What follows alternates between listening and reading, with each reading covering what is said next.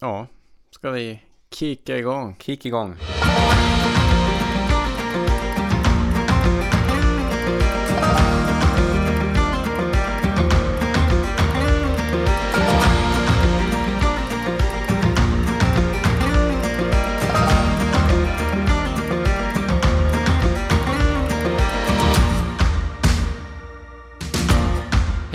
Och hjärtligt varmt välkommen till Fjällvandringspodden. Jag som pratar nu heter Anton Levin och med mig så har jag Lukas Wennerholm. Tillsammans är vi en podcast för dig som är intresserad av vandring, fjällturer, vinterturer och kanske lite, lite klättring. Så varmt välkommen till dagens avsnitt. Nu sitter vi här igen. Lukas, vad har du gjort sen sist? Jag har varit eh, åkt eh, skidor i Alperna. Har varit.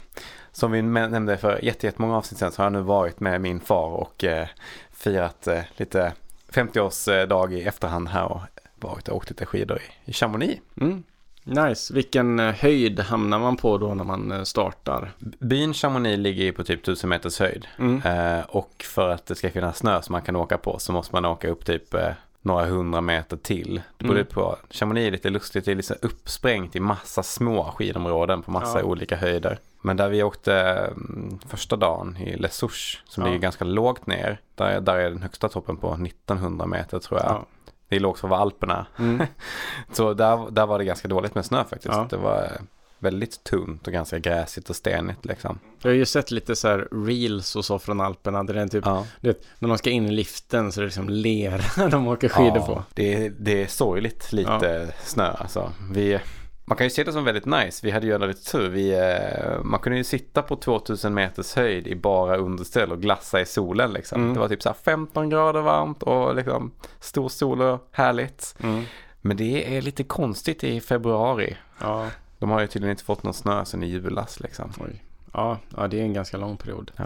Trots det så fick vi bra skidåkning Mm. så det var inget fel på det. Men eh, off-pist kunde man ju i stort sett eh, strunta i för det var bara hårt om det ens fanns någon snö. Ja. Liksom. Ja, det gör man. Ger sig upp i, i, liksom, eh, i riktiga bergen och hittar någon, någon ränna någonstans. Eller så Ja. rikt, riktigt avancerad åkning. Det är jag inte tillräckligt duktig Nej, för. nej, inte jag heller. Vi har ju, vi har ju haft ett liknande problem i, i Sverige den här vintern. I alla fall enligt min uppfattning att det varit ganska dåligt med snö. Ja.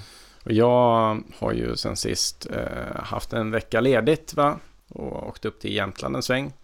Jag har ju köpt eh, tillsammans med Klipparen, min bror, eh, köpt en fjälltomt. Eh, som vi tänker oss att göra någonting av i, i närheten av Bydalen. Jag hade ju redan innan sett, tittat på så här, eh, SMHIs snödjupskarta och konstaterat att eh, ja, men då i slutet på februari så var det liksom eh, eh, de senaste fem åren har vi haft eh, en tredjedel eller dubbelt så mycket snö varje år i princip. Som vi hade då i slutet av februari i år. Så det var Ja. väldigt, väldigt dåligt. Nu har det ju sedan dess kommit lite, lite ny snö i alla fall. Men det har ju varit ett par veckor det har varit lite för varmt och smält lite för mycket och sådär. Mm. Så att det har ju påverkat väldigt negativt tyvärr. Men det verkar som att eh, snödjupet är på väg att återhämta sig lite nu när vi har fått en ny köldsmocka här som har nått ända in i, i, i huvudstaden. Vi får se när det här avsnittet släpps då kanske all snö har smält igen. Ja, du kanske läste om det, off-pist-åkningen på Södermalm. Ja, ja, Ja, det, har, Ja, det precis. läste jag. Ja. Precis, det var ett par killar som eh, spände på skidorna och åkte ner för någon, ja, någon kullerstensgata. Ja, Zigzackade mellan de krockade Porsche-bilarna och Ja. där stod. Mm. Ja, men det är ju det är underbart. Jag har ju faktiskt åkt lite riktig offpist här i Stockholm i, i någon, liksom, liten, på någon liten kulle. Det måste ha varit en fantastisk upplevelse. Ja, det var i november. Ja, Mm. det var en... Det var ju kul, men eh, det- fantastisk upplevelse var i. Men man får ju fånga dagen här. Ja, När, ja. när det finns snö så får man ju njuta av den. Alltså förra veckan, eller om det var förra, förra veckan, så var det ju ganska varmt här. Mm. Och man började få lite vårkänslor Ja. och sen när jag var ute och sprang så kände jag att eh, ja men det här är ju gött, nu kan det vara så här. Och sen så kom den här snön och så blev det kallt igen. Så det, Jag började drömma om en tidig ja, klättersäsongsstart. ja, jo men samma här och sen så blir liksom det grusat av den här Ja. nya snön och så är det blött och sådär. Så att det, ja, jag tycker är det vinter, då ska det vara vinter. Och så när det slutar vara vinter, då ska det sluta vara vinter. Den här liksom andra, tredje och fjärde vintern, den, Jag, tror, jag tror de allra, allra flesta håller med Ja. dig och oss om det. man vill ha en sak i taget. Mm. Ordning och reda. Ja. Jag, jag kan väl börja med att säga det att ja, men, när jag var i Jämtland, jag åkt en hel del eh, pist, blev det, i, i Bydalen. Sen har jag gjort lite små, små turer på fjället eh, med skidor då. Eh, dels så har jag varit upp i Dromskåran, som är liksom ett, ja men det är ett uttrycksmål skulle jag säga, Mm. i Bydalen. Eh, som är, det är ganska många som vandrar där på vintern och en del som skidar där. Men det, man behöver se till att vara där när det inte är lavinfarligt. Så att man inte hamnar i någon knepig situation. För man går ju in i en ravin. Ja. Så att det är ju liksom en terrängfälla. Så man vill ju inte vara där. Och, Kanjon som du brukar kalla det. precis. Eh, Men det rinner ju inget vatten här. Utan Nej. det är, det är en ravin. Skulle jag säga. Ja. Eh, Eller collar. På franska liksom. Ja men där skidade jag upp. Eh, Väldigt, väldigt fint. Och sen har jag väl gjort en liten tur också på norr, nordsidan av de här fjällen som Bydalen ligger om. Och, och lite off-pist. Men i övrigt, det har ju blåst mellan 15 och 25 sekundmeter. Men generellt sett ganska dåligt väder och ganska varmt så det har liksom varit eh, Mm. fuktigt i luften och så här. Så jag har inte gett mig ut på några tältturer tyvärr, vilket jag hade hoppats på att kunna göra. Men eh, vädret har inte riktigt varit eh, så motiverande att ta sig ut. Man vill ju gärna ha lite njutbart fall. Ja, Ska... Och lite kallare så man kan hålla Mm. sig torr. För det, det blir så svårt att hålla sig torr när det är liksom man i princip vandrar i molnbasen och eh, så liksom blåser det väldigt mycket och ja, det är ingenting som torkar när det är nollgradigt utan allting Nej. håller sig blött konstant. Det blir också konstant blötare och blötare. Ja. ja, det var inte riktigt vad jag drömde om men det var ändå skönt att vara en sväng i fjällen. Och eh, sen har jag också jag har haft lite lediga och fria kvällar och då har jag scrollat runt på Facebook och då har jag stött på ett eh, otyg som, som jag inte gillar. Jag får ju massa vandringsannonser och sådär för utrustning från eh, diverse olika varumärken och då dyker det ibland upp vandringspaket eller så här vandringskit.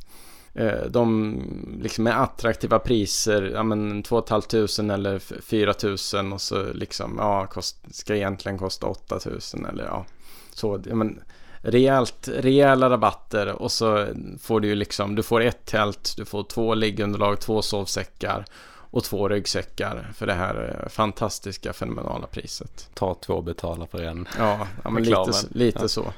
I grund och botten så är väl ingenting mot att eh, man eh, sätter ihop kit så det blir enkelt för folk att, att börja.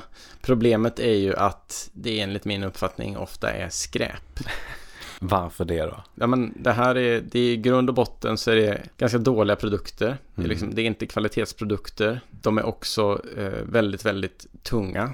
Ja. Har man lite tålamod och köper bättre produkter på reor och kanske köper ett eh, begagnat tält Mm. eh, så kan man få väldigt, väldigt mycket bättre grejer för i princip samma pris. Och sen framförallt så blir det väl, dels så brukar de ju marknadsföra sin utrustning med att den är lätt, vilket den definitivt inte är. De har upptäckt att det är populärt att Ja. säga att det är lätt. Men Ja, inte, inte vad det innebär. nej. Det är kanske en sovsäck som har en komforttemperatur på 7 plus Ja. eh, och ett liggunderlag som har ett R-värde på kanske 2. Det går ju knappt att använda i fjällen. Alltså. Ja, precis. Alltså 7 plus skulle jag inte rekommendera någon att vandra i fjällen med. Nej. Utan det är liksom eh, från Stockholm och söderut eh, under högsommar. Perfekt i en gympasal på idrottsläger. Ja, precis. Ja, lite så.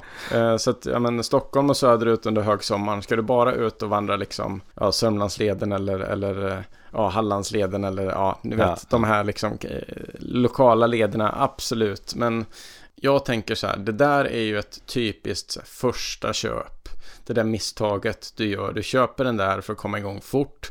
Ett år senare, när du har vandrat lite mer, så kommer du byta ut all den här utrustningen. Ja, det blir liksom skräp. Ja. För det, det är ingen annan som vill ha det heller Nej, riktigt. Så det är, precis. det är sorgligt. Ja, det går liksom inte att sälja vidare. Det är väl möjligtvis om du kan ge det till någon snackare Ja. som, eh, liksom, eh, som du kan vara snäll mot och, ge bort. Jag tror att det är en ganska dålig investering om du tänker dig att du ska fortsätta vandra någonting mer. Det är inte ett vandringsrelaterat tips egentligen, men ett tips om att när man ska börja göra någonting första gången, att man ska köpa det billigaste för att bara så här överhuvudtaget se, är det här någonting för mig? Fail Mm. fast, liksom att man eh, bestämmer sig för, man t- testar och ser, är det någonting för mig? Och är det inte det, nej men då gjorde det ingenting för man köpte billiga grejer. Men är det någonting för mig då kan man sen gå vidare och köpa de dyraste grejerna Mm. eller de bästa grejerna.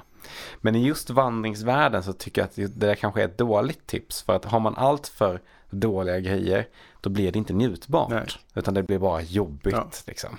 Tält, inte jättedumt att hyra. Det finns ju Mm. på diverse hyrsajter. Ja. Det går att hyra via Naturkompaniet också. Om man vill det.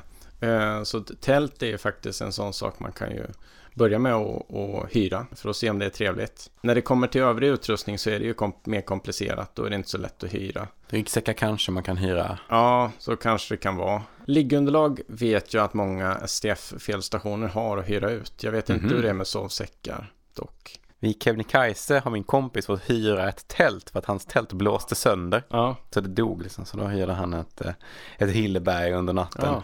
Men eh, annars så vet jag faktiskt inte om de har hela utrustningspaketet liksom.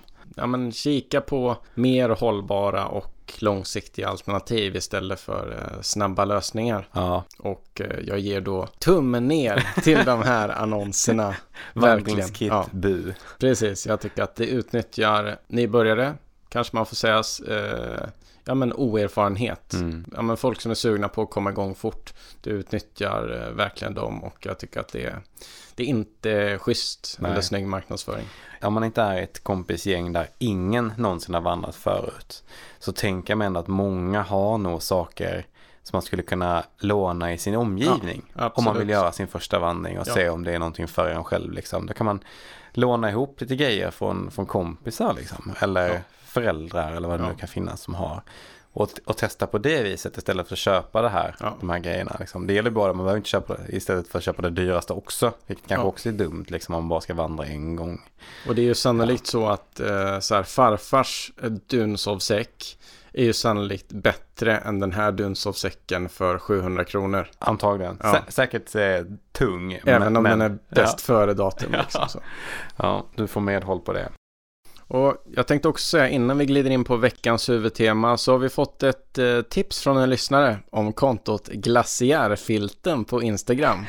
Vi pratade om det här i första Kebnekaise avsnittet, Kebnekaise runt Ja. och den här filten på glaciären. Och då benämnde vi det som en presenning på Björlens glaciär då för att liksom, ja, man skydda snön. Och vi rantade väl lite om att den inte var så snygg kanske. Ja, ja, precis. Och egentligen gör det någon nytta. Ja. Men det är då inte en presenning utan en ullfilt faktiskt som ligger här på glaciären. Utifrån deras bilder så verkar den ju faktiskt göra ganska stor skillnad för att hindra avsmältningen i alla fall på just den här delen. Sen vad tanken är i ett större perspektiv, det vet jag inte riktigt, men det jag har fått reda på i alla fall, det är att den här filten är ett samarbete mellan ett flertal organisationer, däribland Svenska Turistföreningen. Och det verkar som en del av det här projektet är tänkt att det ska bli en liksom löpande verksamhet där man kan skänka pengar till den här organisationen för att de ska kunna expandera det här projektet. Men vart det är tänkt att leda, det vet jag inte riktigt. Är det att du vill förhindra avsvältningen av glaciärer då? Eller? Ja, precis. Men frågan är vilket problem löser vi på det här sättet? Det är väl det som är, är kanske lite svårt att svara på för att grundproblemet är våra utsläpp och, och sådär med växthuseffekt och högre temperaturer på jorden. Så att men jag tänker vi kan ju inte lägga en ullfilt på alla glaciärer på hela planeten. Säg inte det. Nej, i och för sig. Det, fåren får liksom, vi får bygga stora fårfabriker för att få mer ull. Och, ja. Ja. Det här kanske är nästa stora basindustrin. Mm. Ullfiltar på glaciärerna. Ja, Ja, Vi ska täcka alla berg i ullfilt. Nej, men jag tror, jag tror i grund och botten så projektet tänkt att det ska ja, men visa på problematiken och man ska uppmärksamma det. Mm. Eh, att våra glaciärer håller på att smälta bort och det är i mångt och mycket vårat fel. Eh, och att vi behöver tänka på det här, både till vardags och... Men är man nyfiken så kan man ju gå in och kolla på det här kontot i alla fall. Ja, Det är kul. precis. Så Det kan heter- man få en eh, känsla för vad vi pratat om. Precis. Glaciärfilten heter det alltså. Så att eh, där kan ni gå in och kika om ni är nyfikna. Den här veckan så har vi ett lite speciellt tema. Vi tänkte nämligen prata om skador och erfarenheter från fjället. Vi har efterlyst lite berättelser och fått in ett par stycken och vi har också lyckats hitta några från eh, Facebookgruppen Vandring och vildmark. Där det är folk då som har delat av sig av när de eller deras bekanta för den delen har skadat sig på fjället. Och vi tänkte dyka ner i några av de här men också kika på våra egna berättelser och försöka se om det är så att vi kan dra några lärdomar från de här mm. berättelserna, från de här skadorna som eh, vi kanske ja, men åtminstone kan bära med oss som, eh, som erfarenheter. Jag vill ju då också tillägga från början här att vi är ju inga experter. Va? Jag kan inte, jag kan inte släppa att du i det första avsnittet sa att eh... Vi killar har ju en, en, eh, förmåga att ibland kanske överskatta vår förmåga och tänka att vi, eh, när vi till exempel har sett dokumentärer om hur det är, då är det erfarenhet och kompetens. Ja, men precis. Så det är bra. Vi hoppas att det här bidrar med lite riktig erfarenhet. Ja, men åtminstone bidrar till eh, eh, ja, men att man tänker ett extra varv. Ja, det är klart. Att, eh, förhoppningsvis så ska man ju inte få de här erfarenheterna. Nej. Och då måste man ju liksom tänka före, tänker jag. Det kan väl vara bra att tillägga att varken jag eller Lukas är utbildad sjukvårdspersonal eller first responders eller någonting sånt. Utan Nej, inte vi, alls. Vi är, ju, vi är ju lekmän mm. som eh, skadar oss själva till fjälls mm. istället. Så att, Glada amatörer. Ja, däremot så har ju vi inte bara så att säga YouTube-erfarenhet utan vi har också varit ute och vandrat en del ja. och kanske har lite reflektioner vi kan bidra med. Och eh, jag tror också att du som lyssnar själv kan dra reflektioner och slutsatser utifrån de här berättelserna om ja men det där kan ju hända mig. Eh, vad kan det vara bra att tänka på här och vilka prioriteringar gör jag själv när jag är ute. Mm. Jag tänkte att vi ska börja med att eh, jag får bjuda på mig själv lite här. uh, och jag tänkte ta med er på en skidtur vid uh, Snashögarna i uh, södra Jämtlandsfjällen. Det här ligger ju en liten bit ifrån uh, metropolen Handöl. Ja. Där eh, ja, men flera av er säkert har varit. Det är, ju, det är ju här man svänger av för att ta sig till Storulvåns fjällstation och utgår för att vandra Jämtlandstriangeln. Ett väldigt populärt område. Ja. Jag var ju då där den 26 december 2021. Var du där själv? Ja. Mm. Jag hade tagit bilen dit. Jag hade tänkt mig att få mig sådär två, tre veckor Uh, liksom uh, leva vanlife, bo i min bil, uh, stå på en camping, jag hade bokat campingplats och kunna ja, men, isklättra, åka skidor och göra lite vad jag ville några veckor. Jag hade tagit ledigt och såg väldigt mycket fram emot det här. Så den 26 december så var det ju premiär i slutet av december, det är ju det är inte den perfekta tiden för att ge sig ut på fjället egentligen. Ganska få, få ljusa timmar. Ja, ganska få ljusa timmar och också snötäcket tenderar ju att vara bättre än två månader längre fram. Så det är ju kanske fortfarande lite tidigt. Ja, men slutet av februari då, då börjar vi snacka både, både liksom, ja, men bra, bra med snö och desto fler ljusa timmar. Mm. Så det kan vara ganska ruggigt. Men just den här december så, ja men jag tyckte det var ändå ganska bra väder. Så jag tog bilen upp till bommen vid Storulvån och eh, parkerade där. Och eh, började skida ut på fjället för att göra ett eh, litet premiäråk med mina sådana här touringskidor. Jag siktade upp mot Storsnasen och jag såg på avstånd en så snöränna som inte var för brant för min liksom skidkunskap mm. eller vad ska man säga. Min, min, för vad jag kan prestera helt enkelt att åka och tänkte att det där blir bra. För jag hade heller inte så jättemycket att välja på för att det var inte, det var inte snö överallt. Liksom. Så jag hade väl ungefär eh, fem kilometer upp till eh, där, eh, där liksom jag tänkte att mitt åk skulle avslutas. Och sen så eh, skidade skidade upp eh, ett par hundra meter till i höjd då upp till eh, eh, ja, men toppen av åket så att säga. Och så drog jag av mina stighudar, låste fast hälen på skidorna, stoppade ner hudarna i ryggan och så bar det av. Det var ganska isigt, det var inget drömåk direkt. Men eh, det funkade ändå. Jag tog mig ner, fick ett par eh, okej okay svängar liksom. Och så började det flacka ut. Och så liksom, ja men jag gled i så låg hastighet som sådär 10-15 km i timmen. Man liksom, ja, men man, man bara slöglider. Och det är ju också då man slappnar av lite. Klassiskt. Och jag åkte över någon typ av isklump. Och eh, direkt efter den så fastnade fronten på mina skidor i någon typ av grästuva. Inte Och- så tjockt snötäcke Nej, enkelt. precis. Som liksom stack upp. Det är liksom bara, det blir som en hävstång. Så jag bara åker rakt ner i backen med hela kroppen. Och så liksom, ja, du vet, blir svart i en halv sekund. Så finner man sig där eh, slickandes eh, snön liksom. Mm. Och min första reflektion, det var att har jag brutit min näsa? Det känns som det. Eh, så jag tar min, min högerhand och så känner jag mig själv i ansiktet och liksom ja, men vickar på min näsa lite Ja. och konstaterar att nej, det har jag inte gjort. Jag kan tänka mig att man är en så här lite schysst avdomnad i ansiktet när Ja. det inte blir kallt, träffar snön och så här. Ja, precis. Men du kunde ändå känna, Ja, och Ja. Det, var, det var ganska hårt snötäcke också. okej. Jag tror att hade jag inte haft mina goggles som jag hade den här dagen så hade nog risken att jag gjort det varit ganska stor. Ja. Så pass hårt var det, men de sticker ju ut nästan lika mycket som, nä som näsan. Så att de skyddar ju liksom. Fördelade smällen över Ja. hela ansiktet. Precis. Perfekt. Men när jag skulle resa mig så känner jag då att min, eh, min vänsterarm ger vika. Ja. Du hade hjälm på dig va? Ja, jag hade hjälm. Eh, Så jag känner att min vänsterarm ger vika och att det gör väldigt ont. Och jag känner det här ruset och hur, eh, hur huvudet börjar snurra. Mm. Eh, och det är liksom hur man börjar vingla lite. Ja, men jag får ju liksom dra av min, eh, den här, vad ska man kalla det, damasken eller snö, snölåset på min handske. Och Ja. dra upp min, eh, min jacka liksom. Och jag ser att det, det här ser inget bra ut. Och jag känner ju hur ont det gör och konstaterar att det, ja, det är inte första gången jag bryter en arm. Jag gjorde det när jag var nio år också. Okej. Så jag kommer ändå ihåg ganska mycket hur det var. Och jag kan ganska fort konstatera att nej, men det, jag har brutit armen här. Så då får jag skärpa mig. Eh, eh, jag reser mig upp och så ställer jag mig och tänker. Okej, jag har ungefär fem kilometer tillbaka till bilen. Jag är själv. Jag har mobilmottagning. Jag kan ringa fjällräddningen. Jag har en extra dunjacka i ryggsäcken. Mm. Jag har ryggsäcken. Jag kan sätta ner benen i om jag behöver det.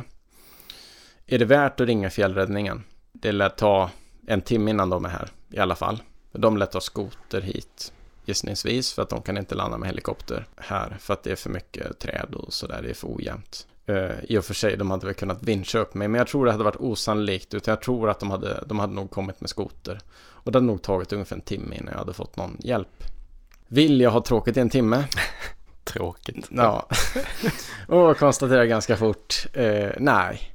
Adrenalinet är ju jobbigt. Det är jobbigt som satan. Mm. Du har väl en egen erfarenhet av det här? Du bröt armen när du cyklade? Ja, eh, samma år, Ja. typ så här, några månader innan du bröt handleden så, så, så bröt jag också den.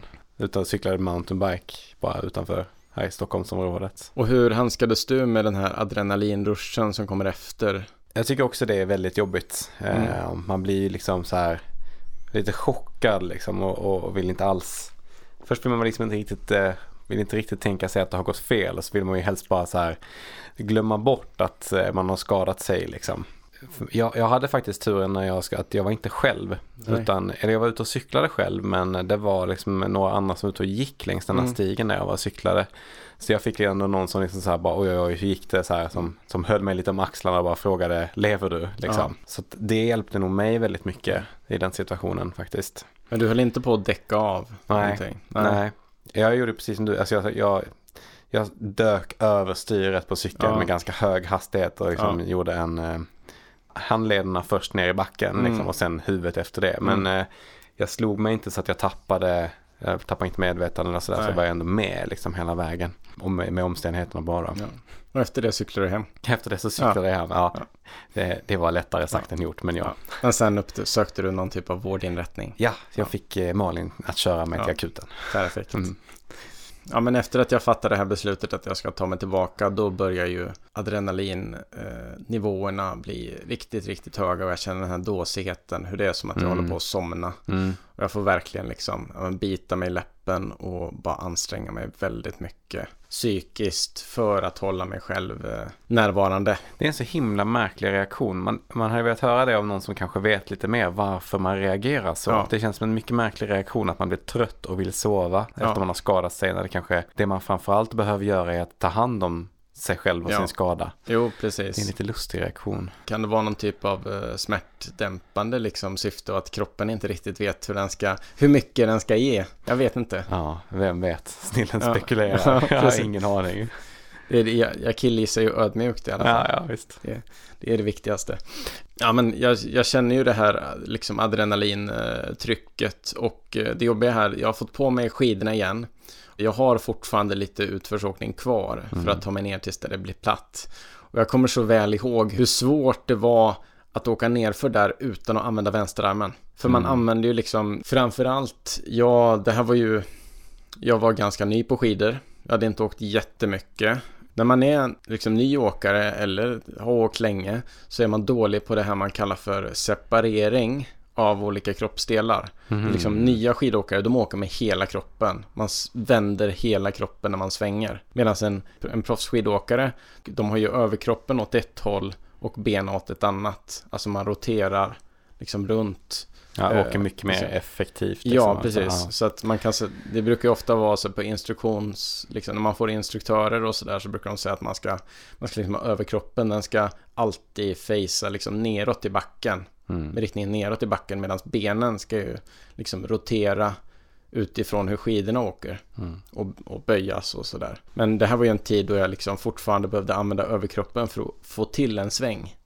Och hur det gjorde ont varje gång jag svängde för att jag liksom hade med vänsterarmen för att liksom rotera överkroppen. Ja. och Kan, jag kan också tänka mig att man vet ju inte riktigt på vilket sätt man är skadad. Alltså, du, du har ju identifierat att din hand eller din arm eller något sätt på ute. Ja. Man vet ju inte heller, är det mer? Ja. Hur, hur allvarligt är det? Så man är också rädd för smärt, smärtan på ett vis liksom, som gör Ja. att man är, ja, allt känns liksom. Eh, I liksom kampen mellan den här smärtan och adrenalinet Ja. och de här svängarna så lyckas jag ta mig ner nätt och jämnt utan att krascha igen. Mm, mm. Det har Eh, nog gjort ont det. Eh, Det var liksom som att, att åka skidor med två promille. och jag har ingen erfarenhet av två promille, men jag gissar på att det är typ så det känns. Jag vet. Undrar om någon har, har bägge de här erfarenheterna och kan intyga det. Jag tänkte tänka mig att eh, om man har varit på en bra afterski uppe i backen att man Ja. ska åka ner sen. Ja. Men det är nog inte så rekommenderat det heller. Nej, ja, jag kämpade mig ner där och sen så blir det ju hyfsat platt. Och det var ju desto smidigare. Jag fick ta Mm. bägge stavarna i en arm och så på med stighudarna igen. Det var lite mäckigt att få på dem i en arm, men det, det går. Mm. Och, eh, ja, men sen skida till bilen. Alltså nu hade ju adrenalinet lagt sig, värsta smärtan hade lagt sig, det gjorde inte så ont egentligen utom om jag gjorde någonting med vänsterarmen. Mm. Så att nu var det ju mest ja, men ett jobb som skulle göras, att man skulle ta sig dit. Det mest avancerade härifrån och till vårdcentralen i Åre, ja det var ju ett, att få av pjäxorna. Ja, det måste ha varit riktigt jobbigt. Ja, men som tur var så hade jag faktiskt ett skohorn i bilen som jag kunde skjuta ner bakom foten i skon och trycka med. Liksom. Det funkade ganska bra. Mm. Sen nästa, det var ju att eh, ta reda på om eh, Åre vårdcentral var öppen överhuvudtaget. eh, för det, det stod inte på nätet, det fanns Nej. inget nummer dit. Jag ringde till 1177 och de sa, ja, hej välkommen till 1177. Det är många samtal före dig. Din kötid är beräknad till 140 minuter. det var man bara i helvete. Jag vill ju veta, ska jag ens försöka ta mig upp för den här Alltså det är en ganska brant backe upp i Åre, speciellt om man har en van som jag. Mm. Eh, Så det är en ganska avancerad backe att ta bilen upp för om man inte har fyrhjulsdrift och en tung bil för att ta sig upp till vårdcentralen. Och det skulle liksom ta extra tid eller ska åka direkt till Östersund Mm. som liksom är, är ja, men, sju mil till. Det är ganska det mycket längre att köra. Ja. Det slutade med att jag för första gången i mitt liv faktiskt ringde 112.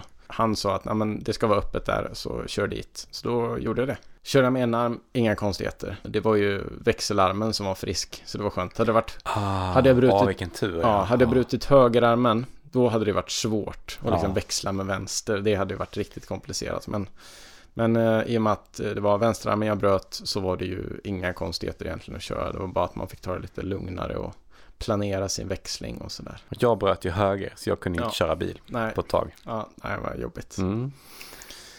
Nej, men så jag kom dit och de eh, drog lite i mig och sen så, så ja, gipsade de mig och så, så var det med det. Ja. Och eh, om man ska liksom dra några reflektioner och, och erfarenheter utifrån den här eh, lilla turen som jag då var med om så är det väl eh, ett säger jag, jag känner att jag själv gjorde ganska bra. Det var att jag ja, men, lyckas behålla lugnet. Att liksom lugnt och sansat tänka vilken väg ska jag ta? Ska jag ringa fjällräddningen? Eller ska jag försöka ta mig för egen maskin? Sen är också reflektionen det att ja, men det kan ju vara kämpigt att ta sig igenom adrenalinruschen och försöka hålla sig vaken. Mm. Eh, jag borde ha ringt någon direkt och sagt att hej, det har hänt. Hör du ingenting av mig om inom 15 minuter så uh, agera. Ja, eh. det, man, för man vet ju inte om man har fått någon annan skada liksom. Nej, precis. Ja, men hade den här adrenalinruschen fått mig att slockna, då hade jag ju kunnat lägga där ja, men, och vaknat förfrusen istället. Ja. Det är väl en, en, reflektion jag tar med mig att även om man inte påkallar liksom, eh, ja, men, fjällräddning eller, eller ambulans eller så, så kan det vara bra att kommunicera med någon, speciellt om man är ensam. Så att man faktiskt vet att man inte kommer ligga kvar där. Ja. Nej, men också att det tar ju tid att bli räddad. Så kan man ta sig tillbaka själv och kan man hålla sig varm, det är ju saker man får ta med i beräkningen. Mm. Vad som är, är liksom rimligt att göra. Om man väljer att stanna kvar och vänta på räddning så är ju kanske en smart sak att göra och att inte bli för inaktiv. För då kommer man bli kall. Är man ute och vandrar då har man ju ofta tält och sovsäck och grejer med sig. Alltså det finns ju så mycket mer utrustning man kan ta till för att hålla sig varm. Så att risken att man blir kall av att vara inaktiv är ju mindre men när man är ute så här på en dagstur då har man ingen sovsäck med sig. Så även om man har extra kläder så måste man ju ändå hålla sig lite igång för att hålla sig varm. Nu är jag ju på djupt vatten här, men jag undrar om det kan finnas en risk involverad i att också röra på sig beroende på vilken skada det är, om man har en blödning eller sådär. Ja, så kanske. Så jag, jag, vet, jag, vet, faktiskt inte, Nej. men det är nog inte ett enkelt svar det där Nej. att man ska upp och strosa heller om man har Nej. slagit i sig ordentligt. Nej, men så kan det vara. Ja. Helikopter hade ju sannolikt kunna ta sig till mig men också skoter. Det är också bra att tänka på när man ger sig ut. Att hur kan räddningstjänsten ta sig hit? Vad finns det för möjligheter? Och sist men inte minst såklart att det är ju en stor risk att färdas själv. Vad som helst kan hända. Mm. Och det behöver man ha med i sin kalkyl. Lämna färdmeddelanden, informera andra om vart du ska. Och det försöker jag göra när jag, framförallt när jag är ute själv.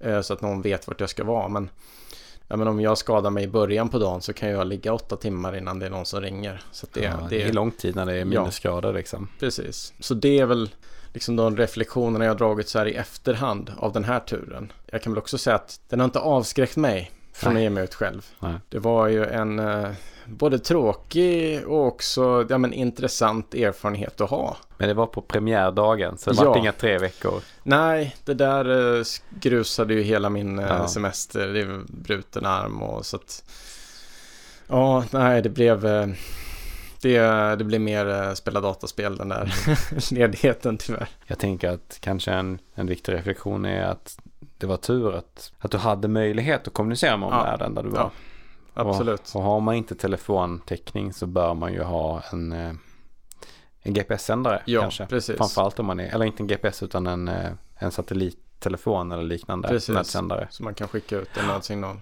Om man är själv kanske framförallt. Liksom. Ja. Är man två så har man ju ändå mycket större säkerhet i ja. det. Liksom. Men, eh, Mm. Men det kan ju vara så att person ett har skadat sig för illa för att man ska kunna flytta på sig. Ja. Och då eh, sitter ju person två där också. Men eh, det är, man har ju mer handlingsutrymme som två personer. Ja, men utifrån den reflektionen så tar vi väl oss vidare till en annan berättelse från eh, Nordnorge. Och det här är en berättelse från, eh, från Facebook, det är från Vildmarksgruppen. Ja. Här, här är det någon som har beskrivit vad som har hänt när olyckan kan vara framme. Och eh, personen var ju som sagt i Nordnorge. Det här är alltså någon som har fått bli hämtad av en norsk militärhelikopter. Så att en ganska dramatisk räddning ändå. Men det som är spännande med historien är att det är en, det är odramatiskt det som har hänt. Personen har bara snubblat när han varit ute och gått och landat olyckligt på en, på en vass sten. Och den här, den här eh, landningen gjorde att han skar upp 12 centimeter över hela knät. Och det, här, det gick tydligen hela vägen in till benet så det var en rejäl skada liksom. Och efter det så går det inte att ta sig någonstans. Nej. Nej. Så att personen fick eh, aktivera sin nödsändare som hade med sig. På tal om det vi pratade om innan här, att det är bra att ha med sig en sån när man är utanför mobiltäckningen. Mm. Tack vare då det så fick jag fick kontakt med norsk räddningstjänst och blev därmed hämtad med en militärhelikopter. Mm. Men eh, han berömmer här också att det var mycket bra service i Norge. Det hade funkat bra tydligen. Trots, trots den obehagliga skadan. Trots eh, konstigt språk och, och så. Ja, Nej, men norskan går ändå ganska bra Ja, att jag förstå. skojar. Mm. Och eh, som tur var skriver också personen att det gick, det gick bra. Rehaben gick bra och, och eh, knät vart återställt efteråt. Mm. Men eh, riktigt obehagligt att man liksom bara snubblar och skär upp hela knät. Jo, precis. Det är en så odramatisk händelse och det är därför den är intressant. Det är Mm. liksom så här, ja men, jag som drar ut och skidar off-pist, det är så här, man fattar att det är mycket risker inblandade Ja. och det får man ju liksom ha med i hjärnan. Men när man är ute och går på en stig så, Ja. så tänker man ju inte att så, här kan jag halka och skära upp hela knät. Nej, Det är ju liksom det som är grunden i vandringen, att vara Mm. ute och gå på stigar. en kort sekunds miss, eh, missad eh, koncentration eller bara att man snubblar på något och så kan hela ens eh, tillvaro förändras ganska drastiskt. Ja. Liksom. Precis, Nej, men och ibland så kan det ju på, men på fjällstigar och sådär, framförallt där det är stenigt, bli eh, liksom eh, glashalt, Ja. verkligen. Det räcker med att det har kommit lite fukt på stenarna, Ja. så de här eh, fina eh, mossorna och algerna som är Ja. på stenarna blir ju liksom som såpa. Det kan verkligen vara sjukt halt. Jag kommer ihåg en, en tur i Norge jag var på då det hade, då det hade liksom regnat lite på stenarna och eh, vi gick runt och halkade och slog i smalben. Inte kul. Nej, Men eh, som sagt, några reflektioner från den historien. Det är ju verkligen det här att ha en nödsändare med sig. ja, För att vad gör man utan den? Liksom? Tänk dig själv att man är långt ut och framförallt kanske man är på en led eller en- stig där det inte går så mycket andra människor nej. och blir helt fast. Liksom. Det, är, det är ju en stor risk liksom, att inte kunna få hjälp. Om man då är själv i alla fall. Det är ju, ja, det är ju verkligen en allvarlig, en allvarlig skada. Det liksom, man hade ju lika gärna kunnat bryta benet. Alltså Ja. det, det, man blir lika immobiliserad Ja. av bägge. Nu vet vi ju inte om den här personen hade med sig ett sjukvårdskit Nej. eller inte. Men att ha med sig liksom en, en kompress för att kunna få stopp på, på en blödning. Liksom. Ja. Det är nog också väldigt, väldigt viktigt. Ja. Eller ja, det har man ju lärt sig. Om man har gått en eh, första hjälpen-kurs någon gång så, så är det ju det de pratar mycket om att det är ett av de viktigaste stegen är att få stopp på stora blödningar. Ja. Liksom, för att förhindra alla problem som det innebär att förlora Precis. kroppens blod. Ja. Och det är ju, det är ju lätt när man, eh, när ni sen lyssnar på det här avsnittet och så tänker ni att nu ska vi bygga ett första hjälpen-kit här. Mm. Eh, Man måste ju begränsa sig någonstans också. För det är Ja. lätt att hamna i det att eh, ja, men till, till slut har man liksom eh, så har man eh, MR-röntgenmaskinen med i ryggsäcken. ja, men, ja men någonstans måste man ju begränsa Ja, sig ja, för vilken typ av sjukvård man kan ge i fält. Men det nästan allra viktigaste tänker jag det är väl att lära sig bli kreativ. Mm. Ja, men det är ju all utrustning man har med som kan vara användbar. Du kan använda en eh, regnjacka.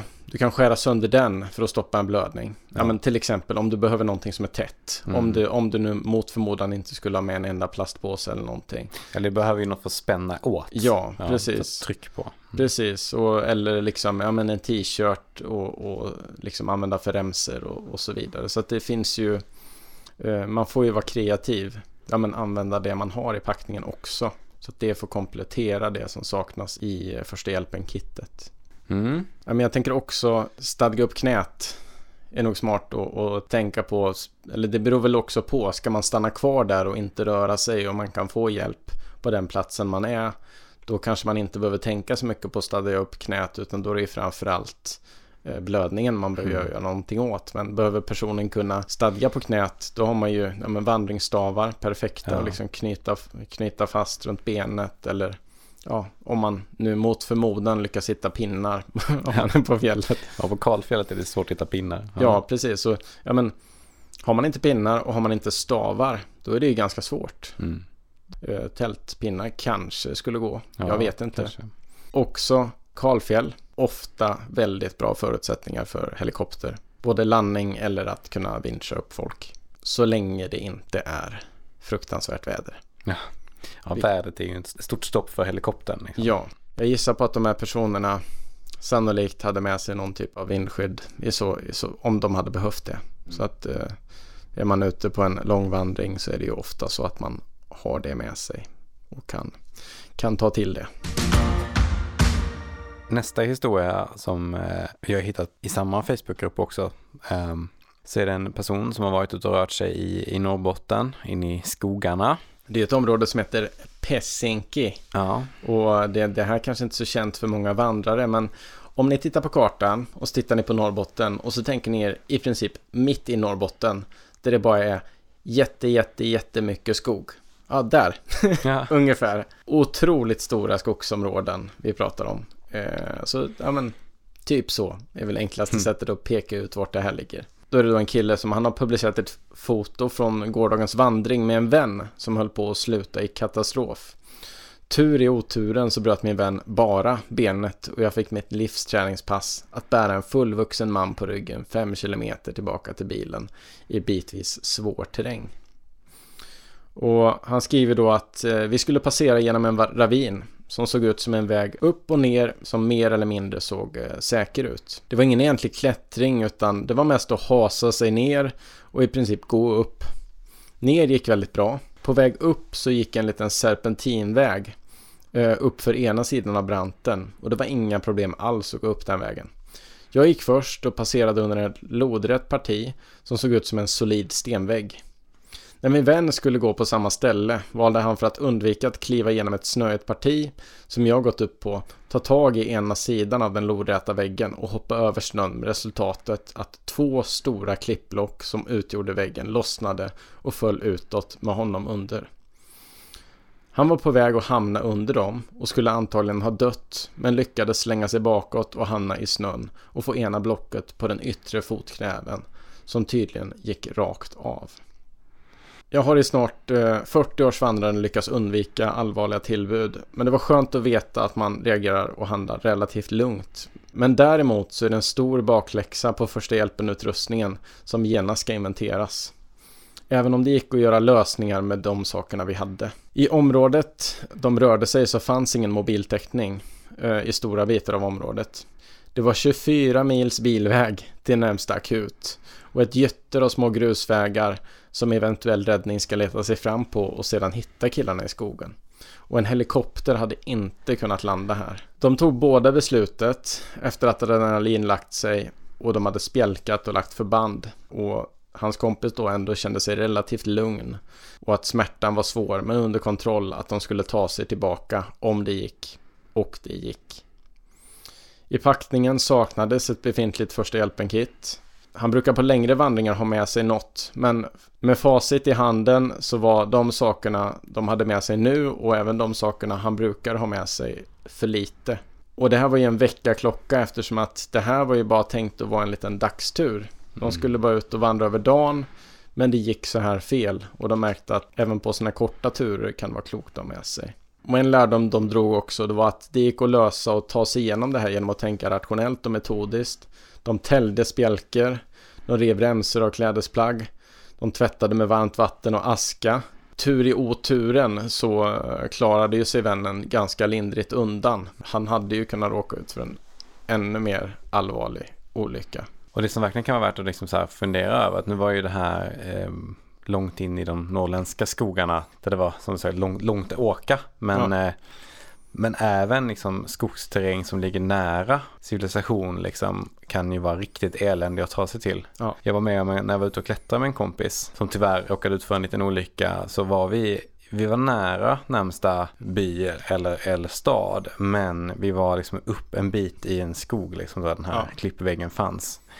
Och han, han eh, ramlade och, och slog i huvudet och liksom tuppade av och var rejält borta sen liksom och kunde inte riktigt, ja han behövde hjälp liksom ner. Så då, då, det var första gången jag ringde 112. Det som var det stora mm, grejen med det var att det var jätte, jättesvårt för eh, personalen, räddningspersonalen att ta sig in och upp i den här skogen liksom. Mm. Och ännu svårare att bära ut någon på bår på en, liksom, en brant skogssida liksom i, i eländig terräng. Ja. Det var ett stort projekt liksom att lyckas med det.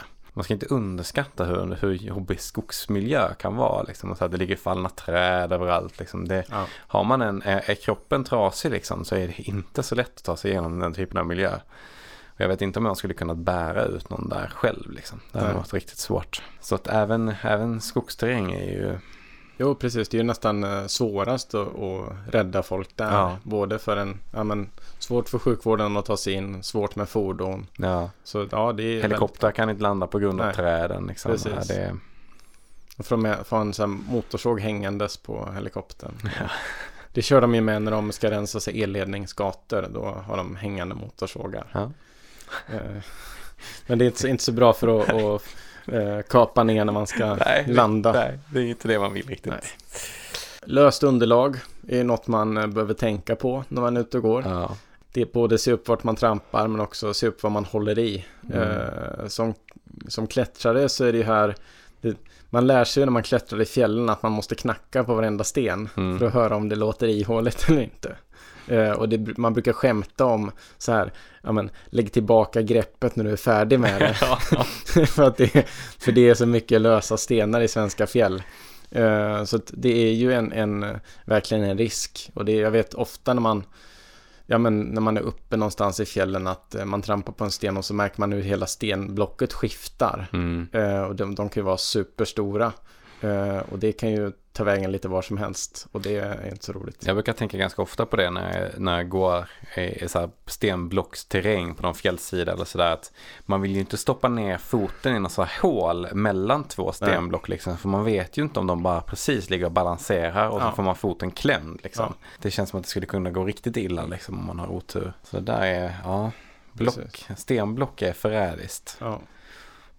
Men Oj. som tur var så händer det väl ändå relativt få olyckor liksom. Ja. ja, men det här var ju bara en dagstur. Det är Mm. väl, jag tror att de flesta inte ens hade reflekterat över att ta med sig en eh, nödsändare. Nej. När de bara ska ut. Ja, min morsa när hon är ute och plockar, plockar svamp i skogen. Liksom. Om hon skulle vara i någon skog där det inte fanns mobilmottagning. Ja, hon hade ju inte ens reflekterat över om hon skulle ta med sig en nödsändare då.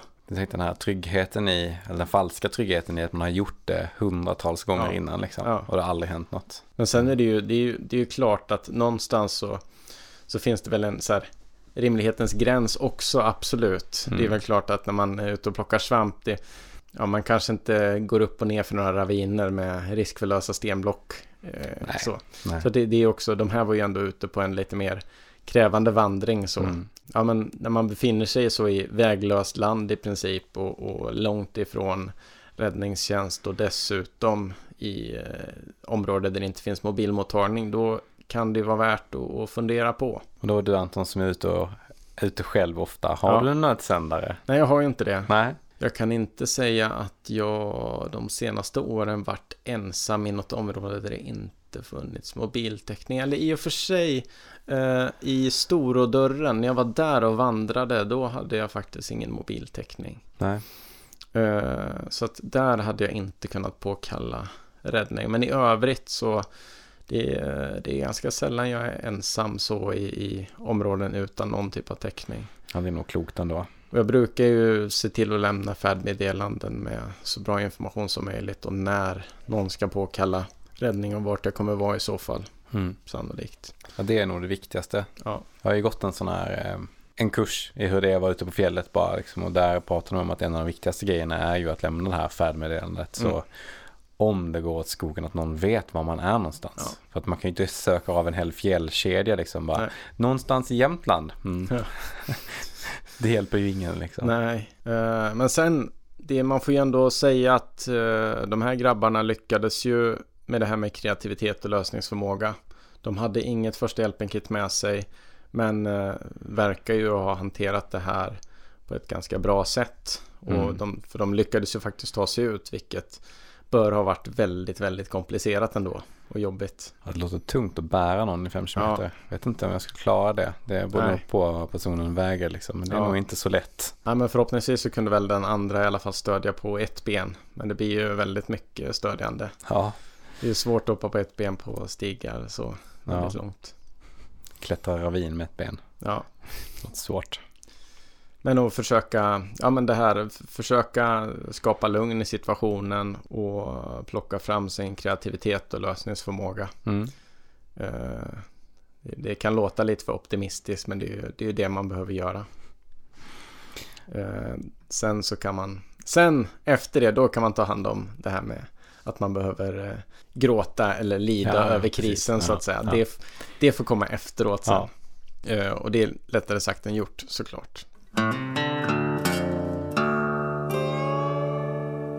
Sen har vi en, en, eh, en till historia här som det är lyssnare till podden som har skickat in. Och det här rör ju sig ett av de här områdena som vi tycker väldigt mycket om i Kebnekaisefjällen. Och personen som skickar in skriver så här. Jag har brutit armen och det involverade handleden. På samma resa så bröt min mamma näsan. Det känns underbart att vi bägge fnissar till. men det är ju ändå, det är så här, det är oturen i oturen ja. någonstans. Det är ju det, är det, det som, samtidigt. Ja, det är klart precis. att vi ska göra det. Ja, liksom. ja. Och personen eh, säger att man vistats i fjällen i hela sina liv. Både sommar och vinter men aldrig förut har jag skadat mig. Förutom på den här turen 2015. Mamma, hon snubblar på en sten efter stigskälet mot Tarfala på vägen upp mellan Nikkaluokta och Kebnekaise. Slog näsan i en annan sten så näsblodet sprutade. Och min nyblivna svåger som då var läkare fick bryta den rak igen. Uh, det lät ja. väldigt obehagligt. Men det, det är ändå, jag blir ändå nyfiken. Jag hade velat se det här på riktigt. Nej, jag vet inte om jag hade velat det. Ja. Men de fortsatte vandringen. Personen då halkade på en spång mellan Kaitum och Teisa. En kraftig dislokation, nästan helt öppen fraktur där man såg benändarna under huden. Mm. Mm. Och det spjälades med en paltslev i Teisa. Eh, och personen fick åka helikopter till Nikkaluokta ja. efter det här. Här frågade jag ju eh, den här personen då utifrån ja, men det här ja, men när mamma snubblade eh, i vägskälet. Kan liksom det ha haft ett samband med eh, ja, men, låg energi? Mm. Eh, ja men att det här är slutet på dagen, slutet på vandringen, man är snart framme. Ja men sannolikt en kombination av halt underlag och låg energi är lika med olyckor. Ja. Liksom. Och det där känner i alla fall jag själv igen mig i. Det som vi pratade i förra avsnittet. När man liksom har gjort en hel dag, man börjar bli trött. Mm. Man vill bara tillbaka, blicken börjar sjunka. Eh, man har liksom slut på kolhydrater i kroppen. Eh, och man börjar trampa snett. Man rör sig lite oförsiktigt. Ja. är också samma sak. Det är, ja. det är så lätt hänt liksom, att man blir lite slapp i, i hur man rör sig. Liksom. Ja. Inte riktigt titta var man sätter ner fötterna. Och det kan fort gå på skogen. Man har ju jag skulle säga att jag har absolut själv halkat till flera gånger. Liksom. Ja. Någon hamnat på rumpan och sådär. Men det har ju alltid gått bra. Liksom. Det har in, inte ens ett skrapsår. Liksom. Det räcker ju med att man har lite otur och slår huvudet i en, eller näsan i en sten som i det här fallet. Då. Ja. Så, så blir det plötsligt mycket mindre trevligt. Paltslev nära till hans. Ja. Hör vi ju det att den ska åka med i första hjälpen-kittet. Plötsligt blev första hjälpen-kittet eh, en halv meter långt. Ja. Man måste rymma en bra slev. Ja alla, alla historierna verkar ha det gemensamt, liksom, att man använder det som finns till hands. Det är alltid bra att ha en läkare med sig. Ja. Men ja, bryter ni själva näsan och inte har en läkare med er, då kan det nog vara klokt att söka vård direkt. Mm. Har ni en läkare med er, då, då kanske man kan få vård direkt. Perfekt. Som sagt, jag hade velat uppleva den här tillrättavisningen av näsan. Hade du verkligen det? Ja. Tror du att det är nej, inte, inte, inte, inte på mig själv. Nej, nej, Men jag hade nej. velat se det utföras. Ja. Det, det, jag har ju bara sett Hollywood eh, exempel liksom. Ja, när någon eh, cool eh, skurk drar till sin egen näsa. Ja, mm. precis. Jag tänker det, det hade varit väldigt intressant att se, eh, se det IRL. Mm. Det är inte så att jag går och hoppas att någon annan ska, ska råka ut för det här bara så att jag får se det. Nej, det är ju lätt att sitta här och, och, och skratta lite åt det, men det är ju mm. verkligen inte roligt när man är i en situation där någon skadar sig liksom. Det är kul vi har ju fått lite gott och blandat sen också från Ludvig va? Mm. Ska, vi, ska vi plocka upp någon av hans historier kanske? Ja men det tycker jag vi ska. Vi har ju eh, i, i, tidigare avsnitt så har jag ju nämnt att eh, jag har vadat barfota några gånger sådär. För att jag inte haft med mig några vadarskor och för att jag inte velat blöta ner mina kängor och gå i dem dyngsura i flera dagar. Eh, men det brukar ju starkt avrekommenderas att man vadar bagfota och eh, den goda anledningen till det som då Ludvig här beskriver är att han eh, stötte på en man som skulle gå barfota över vattendraget mot Tjetjka. Och det resulterade i att han skar upp foten och vaden in till benet man kan väl gissa här då att han kanske trampade snett liksom när ja. han skulle sätta ner foten i vattnet eller att han gled på någonting på ja. botten av eh, vattendraget. Ja, och det resulterade i ett rejält skärsår. Eh, den här personen som, som, som var med om det hade tur för att det fanns även här ett par läkare på plats som såg det hända. Så han fick ju vård med en gång. Det kan ju eh, helt klart vara så att det här kan gå riktigt illa liksom. Och Ja. framförallt om man gör man ett vad som är lite strömt och skadar sig mitt i, då kan man ju riskera att åka med i vattnet också Ja. och det är ju inte alls bra. Det. Nej, precis. Jag har lärt mig en läxa här, jag ska inte Ja. vada mer utan, Nej. utan vada skor. Är det så att eh, ja, men det är inte strömt och, och botten ser liksom trevlig ut på något sätt Ja. eh, och framförallt det är, in, det är ingen risk att man halkar, då kan man väl göra det för att det är lite Ja. trevligt och mysigt om man nu tycker om iskallt vatten. Mhm. Det är inte alltid iskallt vatten ska väl sägas, men Mm. ofta så är det det. Men jag tänker så här, är det lite mer stenigt, platta block som är hala och sådär, då tänker jag att det, det kan vara väldigt dumt. Ska man då verkligen över så, så bör man kanske gå i sina kängor. Om, Ja. Eller löparskor om man nu inte har med sig ett par dedikerade vadarskor. Ja. Man har nog inte så mycket val om man vill göra det säkert. Men han har ju också varit med om någonting lite ja, nästan roligt. Ja. det, det, kanske, det kanske är att överdriva för det är, ju, det är ju tråkigt att det här hände men det är ju lite otippat. Ja, och, och det är lite svårt att skydda sig mot. Mm. Eh, det, det är liksom, eh, ja jag vet inte vad vi kan dra för erfarenhet av det här men eh, eh, 2017 så satt ju Ludvig i bastun vid Allesjaure Mm. när den rasade. Han fick inga allvarliga skador men en hel del blåmärken eh, och nära på att få ett spik i låret. Det här är ju oturens otur. Dels att bara vara med om att en bastu rasar Ja. och sen ha oturen att dessutom sitta i den. Ja, Jo. verkar, Precis. man undrar ju lite mer om eh, vad var det för väder? Blåste den omkull eller var den bara rutten? Liksom, vad, vad hände? Ja. Ja, Vi, vi har ju varit förbi en, vi har ju varit förbi ett utedass som eh, har blåst iväg. ja, Ja. det har vi. Eh, och det är man ju väldigt lycklig att man inte satt där när det hände. Mm. liksom slung, slungas med hela utedasset så här, ja men 30 meter. Det, det vill man ju undvika i de flesta fall. Det är nog bland de sämre byggnader att eh, flyga iväg med, Mm. tänker jag också. För att det känns inte så trevligt. Då Nej. sitter jag nog hellre i en bastu som rasar. Det kan vi vara överens om. Ja. Även om man kanske helst inte vill vara i byggnader alls Nej, som precis. slungas och rasar. Ja, det är väl att inspektera så att eh, stugan är stabil innan man går in. Mm. Det är väl liksom, det går inte in i rasfärdiga bastu. Men jag, jag gissar på att den inte var det, utan det Nej. måste varit någon, eh, ja, det måste varit eh, någon sorts yttre omständighet sannolikt. Antagligen. Ludvig verkar ha varit med om mycket eh, otyg. Tycker nästan lite synd om honom här. Men han hade varit ute och gått längs en spång Mm. bara i fjällen och det gör man ju ofta när man är Ja. ute och går. Och eh, hade lite otur och, och halkade av med ena foten från spången och gled ner med ena benet en bit ner i liksom leran och vattnet som var bredvid och slog då i det benet som man hade kvar uppe på spången i en spik eller ett gruskorn eller något. Han vet inte riktigt exakt. Men fick eh, på grund av det en spricka i knäskålen. Uh, Ja. De, de lättaste tillfällena liksom, så kan det gå illa. Så det gäller att alltid vara uppmärksam. Liksom. Vi kan ju konstatera efter det här avsnittet att vandring är en extremsport i Ja. sig. Ja. Eh, Säg inte det till försäkringsbolagen bara. nej, nej, nej, nej, nej, precis. Nej, det är bara, det är nästan helt ofarligt. Mm. Vad kan man ta med sig? Vad kan man göra liksom förebyggande för att inte... Ja, kanske inte för att inte hamna i de här situationerna för det kan vara ganska svårt. Ja. men, eh, att halka till på en spång, det, vi ska inte gå med stegjärn på spångarna för att Nej. undvika att halka till. Jag kan tänka mig också att väldigt många har halkat ting på spång. Ja. Men allra flesta gångerna så går det bra. Man Ja, blir bara lite blöt om fötterna när man har otur. Liksom.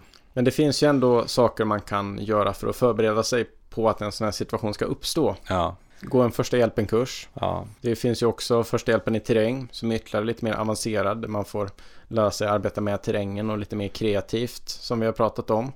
Eh, Med vad i utrustningen man kan använda. Och sen har man ju ytterligare betydligt längre Wilderness First Aid. Mm. Som är liksom, det är, en, det är i princip en sjukvårdskurs. ja. eh, Där du får lära dig mycket, mycket mer om hur du hanterar sådana här saker på fjället. Och jag, jag tänker en annan grej som verkligen så här, som slår mig. Att mycket som händer nog när man är lite trött liksom. Så att, att verkligen försöka liksom att så här pausa regelbundet och kanske äta regelbundet och försöka hålla sig pigg liksom. Ja.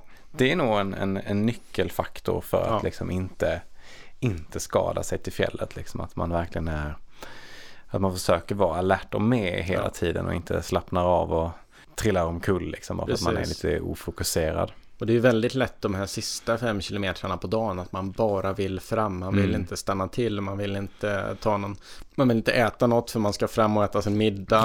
Ja, Eh, Man tänker det är bara fem kilometer kvar, nu pushar vi på här sista biten. Och det är ju liksom då man är låg också, när man har den här, det här tunnelseendet. ja, Och det är ju då saker kan, eh, ja de kan ju ske resten av dygnet också, men Mm. det är då som man är extra liksom riskfylld eller vad man ska säga. Eller som andra situationer, om man, om man gillar att gå på så här toppturer eller kortare turer liksom med något mål i sikte. Att när man Ja. kommer till målet, att man tänker att nu är jag klar. När man snarare har bara kommit halvvägs. Ja. Och man ska ner igen eller man ska gå tillbaka liksom. Att man på nervägen eller på tillbakavägen också slappnar av liksom och slutar fokusera för man tänker att målet är uppnått Ja. liksom. Men det, det är ju inte det utan man måste ju också tillbaka. Precis. Målet är värmen och Ja, exakt. fjällstugan eller tältet eller vad det nu är. Ja. Mm. Packa ett första hjälpen-kit, men eh, tänk också utanför boxen. Mm. vad i min utrustning kan komplettera det här första hjälpen-kittet. Eh, men se till att ha ett. Jag tänker eh, det, det ska ligga i varje vandrares eh, ryggsäck. Och inte bara för dig. Det ska ju ligga där om du om det är någon runt omkring dig. Det Ja. behöver inte ens vara någon du känner som har Precis. gjort sig illa, som kanske inte hade ett första hjälpen-kit med Ja. sig. Då vill man ju kunna hjälpa till liksom. Och det kan ju till och med vilja sig så illa att man behöver lämna kläder för att den ska hålla sig varm eller Ja, vad det nu kan vara. Det kan vara bra att öva skarpt. Ja, men inte i skarpt läge för då är det inte övning. Då det, men eh, man kan ju öva på att göra omläggningar och, och sådana saker. mm. Det kan ju vara så att man har gått en första hjälpen-kurs och övat lite där med, med både liksom eh, HLR och att stoppa blödning. Men eh, det kan ju vara bra att fräscha upp de där minnena lite Ja. då och då. Alltså man kan ju öva på en kudde eller en petflaska eller vad man vill. Eller på en Sig annan själv. person. Ja. Ja. Satellittelefon eller eh, liksom SOS-sändare via satellit. har Mm. vi pratat om flera gånger. Det är, eh, det är en bra investering. Går att hyra, går att Mm. köpa. Och även vissa fjällstationer tror jag har som man kan hyra. Mm. Så det är, det är ingen dum idé va? Även för lite kortare äventyr. Ha, kanske framförallt har man den så kanske man bara ska ta för vana att alltid ta med den. Ja. Varför inte liksom? Det skadar ingenting att ta med den om man har en. Och lämna information som vi har lyft flera gånger i det här avsnittet. Mm. Lämna information innan man beger sig ut. Eller när man har mottagning eller så. Ja, men både som ett komplement till satellittelefonen. För det kan ju vara så att du faktiskt själv inte kan påkalla SOS. För att satellittelefonen hjälper ju bara när du själv kan. Man är medveten nog att kunna göra Ja, det. precis. Så att då är ju färdmeddelandet ett komplement till det. Det är ju inte så att de ersätter varandra. Nej, Utan färdmeddelandet ser ut så att, ser ju till så att det faktiskt finns någon som eh, har koll på att du eh, är, är vid liv och, och, Ja. och fortfarande går att kommunicera med. och även en satellittelefon kan ju gå sönder om man har Ja. otur. Ja. Och även de har ju också blindspots där de inte har täckning. Ja. Även om det är ganska osannolikt. ja, halka kan alla göra. Mm. Det, är, eh, det är till och med sannolikt. Vi alla halkar. Mm. Eh, senast när vi gick ut och köpte mat för en stund sedan liksom, så halkade man till. Eh, så, så tänk på det. Att ja, men barfota så halkar man mer. Så var lite extra försiktiga med det. Och speciellt i stenig terräng där det finns desto mer saker man kan skada sig på. Mm. Att halkan är, ja, den är läskig. Och eh, den här veckan, hela avsnittet har ju snurrat kring anekdoter. Så det var också veckans anekdot. Va? Eh, vi har ju delat med oss av en rad anekdoter den här veckan. Eh, så med det så tänkte vi väl börja knyta ihop den här säcken. Och hoppas att ni alla lyckas undvika att eh, själva vara en del av de här skadorna på fjället. Men att eh, ni ändå har fått lite riktig gedigen erfarenhet av det här avsnittet som ni kan ta med er ut. Eller åtminstone att vi kanske satt fart på några tankar, att ni kanske ser över första hjälpen-kittet eller funderar på att gå en första hjälpen-kurs. Eller ta med sig satellittelefonen nästa gång. Ja.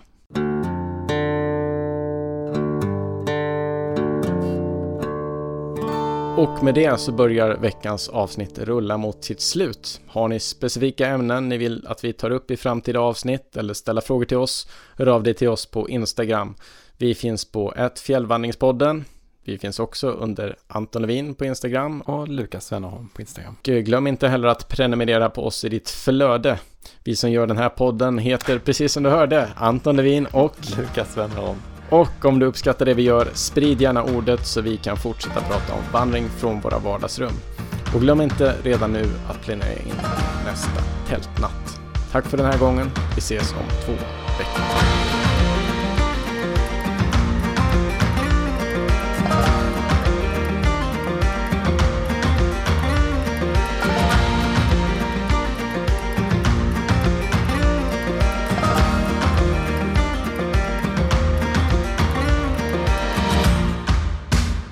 Har jag skrivit upp Sätt vandringspaket på Facebook. Det ska jag ränta om.